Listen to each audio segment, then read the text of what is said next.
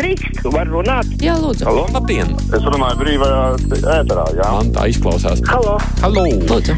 labdien, uh, Aidis. Jā, Vai Vārs kundze? jā. Nē. Varu runāt? Jā, lūdzu, mēģiniet. Varētu izteikties? Jā. Tālruņa numuru mūsu studijā 6722, 888, 672, 559, kā jau pēdējā laikā ierasts, varat sūtīt mums arī ziņas WhatsApp formātā. Tālruņa numurs tur ir 25660 440. Protams, arī varat sūtīt ziņas no mūsu mājaslapas. Viesturs raksta īsumā par mūsu lišķīgo valdību, spiežam roku Zelens kungam, tajā pašā laikā pelnam uz asiņainiem graudiem. Mieriņas kundze atsakās no Ukraiņu dāvātās aplikācijas. Viesturam šķiet, ka viņi pat nesaprata, no kā atsakās. Gāzi no Krievijas pērkam, armiju barojam ar Krievijas, Baltkrievijas produktiem. Nu, gāzi no Krievijas mēs vairs nepērkam. Galu galā tas tika aizliegts ar likumu. Armija ar Krievijas, Baltkrievijas produktiem vakar panorāmas sižetā bija minēts, ka tur tie produkti, kas tikuši vai piegādāti vai solīts piegādāt, ka no, ka no tiem atteicās armija un līdz galdam tā arī viņi nav nonākuši. Tā kā, protams, ka šīs lietas tiek arī risinātas. Klausītājs zvana, labdien! Labdien! Ir iesākusies tāda diskusija par slaveno režisoru Smilģi. Nu, tāda mazliet apspļaudīšanās Twitterī. Varbūt varētu paaicināt uh, kompetentus vēsturniekus, kas izanalizē Smilģa dzīves gājumu, ieskaitot viņa darbību Arhangelskas uh, čekā. Vai viņš bija cilvēks šāvējs, jeb nebija. Otrs lūgums varbūt varētu sarīkot interviju ar Mārci Bendiku, gudru un interesantu cilvēku. Paldies! Paldies par ieteikumiem. Smiļģa biogrāfijas pētīšana noteikti būtu interesants raidījuma temats. Klausītājs zvana. Labdien! Labdien, Mārs Kundze! Esiet tik laipni, kad būs raidījums jums pēc vieniem uh, ar Latvijas pastu.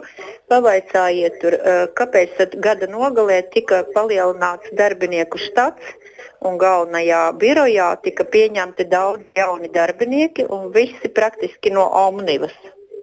Kur jums šādas ziņas, no kurienes šādas Man ziņas jums ir? Omnivā pazīstami cilvēki un viņi aizgāja uz Latvijas pastu. Paldies! Nu, paldies par informāciju, centīsimies pārbaudīt. Klausītājs raksta mums Vācijā, labdien, daudz cilvēku saka, ka zemniekiem dārgi traktori. Mēs jau varētu strādāt arī ar zirgu, bet tad pārtiks cenas būtu kosmisks un tas atkal nepatiktu, jo mēs jau priecātos, ja nebūtu jāpērk tik dārga tehnika. Nu, protams, ka tehnika, ja ir domāta ražošanai, tad par to ir tikai jāpriecājas. Klausītājs zvana, labdien! Labdien! Vakar te viens traktorists atcerējās tos laikus, kad Gorbačovs nāca pie varas. Ja?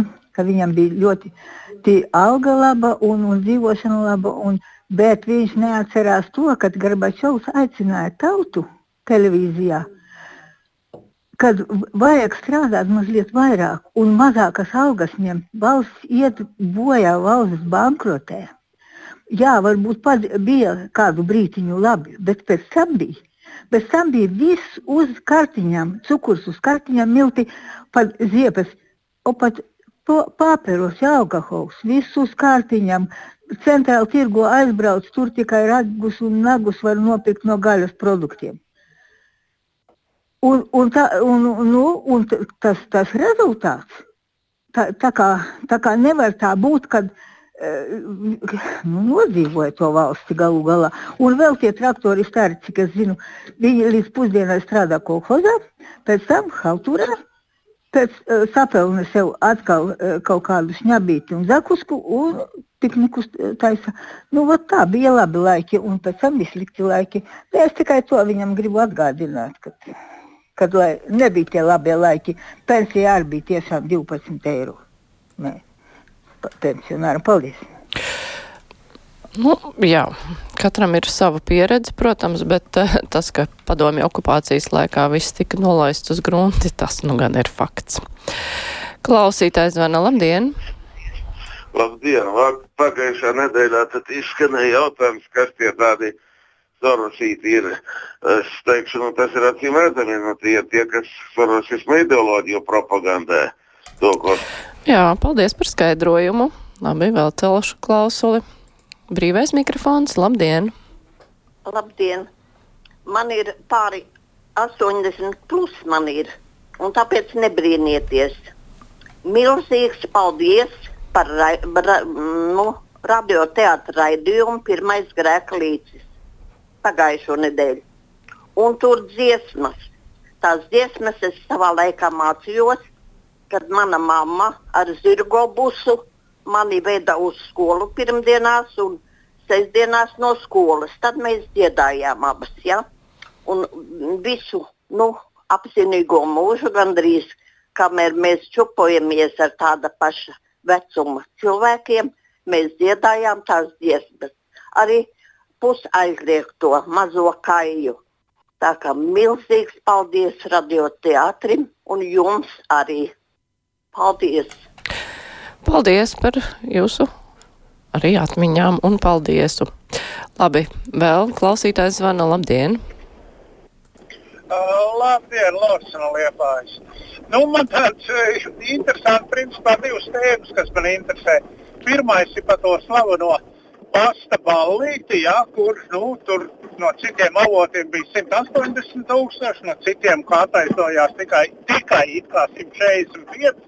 Nu, tās ir kā dzīves mēra laikā. Bet visvairāk man interesē tagad šorīt, ko es dzirdēju pa vakardienas zemnieku protestu. Ja? Nu, kaut kā aizmirst viss mazs līdzekļi atgādāt to pirmo punktu, ko zemnieki visvairāk uzsvēra. Tas ir robežas klapēšana cieta Baltkrieviju un Krieviju, teiksim, ar to pārtiku un tā tālāk. Un tad man tāds, tāds interesants sajūta, kur uzreiz tas ir devis policijai uzreiz pieregistrēt, kam nav bijusi apskate, kuram traktorītim, kuram tur varbūt apdrošināšana vai kas. Nu, teiksim tā, viņiem cilvēkiem tas bija izmisuma bļāviens, bet ir jau piegatavots pretī uzreiz represija aparāts. Paldies un jauku dieniņu! Jā, paldies par jūsu komentāru. Klausītāja Agnes raksta nesaprotu, kam ir jābūt cilvēku smadzenēs, lai apjūsmotu padomi laikus, pat dažreiz redzot TV tos kadrus ar visām demonstrācijām krastmalā un sarkanajiem karogiem šermuļiet pār kauliem. Savukārt eh, klausītājs Attis vaicā, kas tieši tika nolaists uz grunta okupācijas gados - Hesi, Teci, Krušovkas, Vanšu tilts, kas tieši? Atī, jums noteikti būs ļoti interesanti iepazīties ar pētījumiem, ar ko sagatavo un ar ko šobrīd arī strādā padomju okupācijas radīto zaudējumu komisija. Tur ir ļoti daudz, kas izstāstīts, kas tika nolaists uz grunti un kādi ir mūsu zaudējumi. Klausītājs zvana, labdien! Halo! Labdien, esat ēterā! Uh, man ļoti interesē, es tik sen neesmu savā dzimtenē bijusi jūrmalā, kādreizējais buļciems un kolhos uzvara bija. Tur tagad ir tādas pilis, tādas villas, ka es nesaprotu, tas ir kāds anklāvs jūrmalā vai kā. Neko neesmu par to dzirdējusi, bet nu, tagad es apstājos nu, vājprāts, kas, nu, kur ietek lielupe e, jūrā. Tieši pie pašas ietekas, e, tur, kur kādreiz bija jā, tikai jā, meži un jūras. Bija.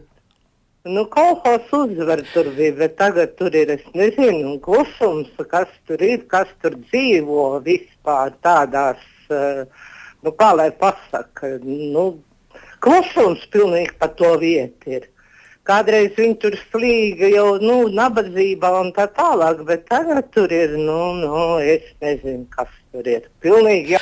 jā, paldies. Nu, tā ir tāda, ja ir ārpus tās bijušā kolhoza teritorijas, kur sēta riņķī, tad ir skaidrs, ka tās labas vietas, kur cilvēki grib dzīvot, mešs, jūra, upe tuvumā.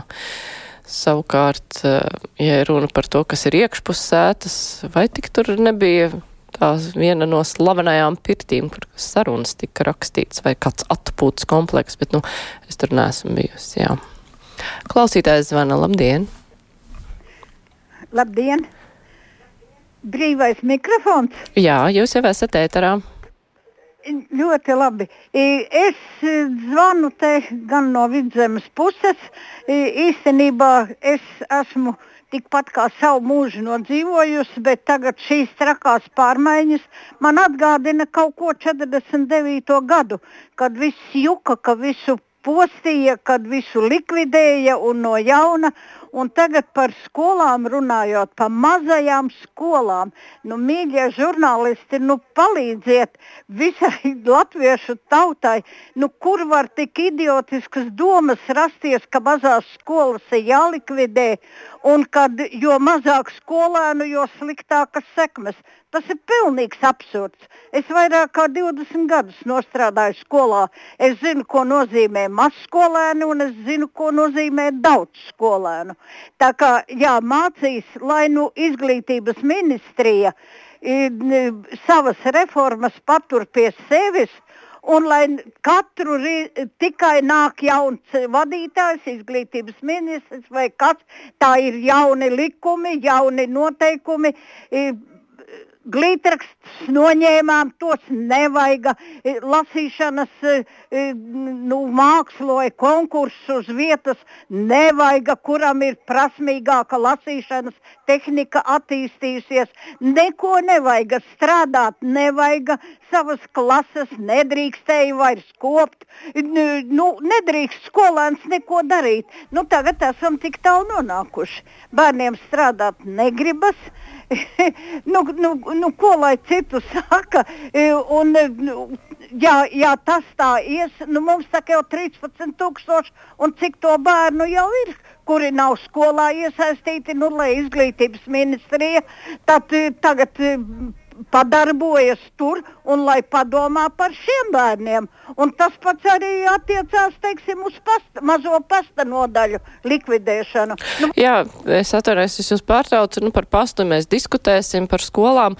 Nu, dažas daļa lieta, ko jūs uzskaitījāt, katra skola var darīt pati glītraksti un daļlasīšana. Tas jau notiek, bet tas ir atkarīgs no skolas vadības. Par mazo skolu slēgšanu, nu, Skaidrs, ka to nevar darīt automātiski Exceļa, ta, Exceļa tabulās, bet uh, ir jāiedziļinās katrā situācijā visticamāk, bet arī uzturēt skolu, kur pat klasi nevar ko, nokomplektēt, nu to jau arī īsti nevar atļauties droši vien. Klausītājs uh, mums uh, raksta paldies māksliniekiem par labdarības koncertu brīvi. Tur ir uzskaitījums uh, visiem, kas piedalījās, bet ar to es arī beigšu brīvo mikrofonu un pateikšos klausītājiem, kuri piedalījās tajā, gan rakstot, gan zvanot, paužot savus viedokļus, komentējot.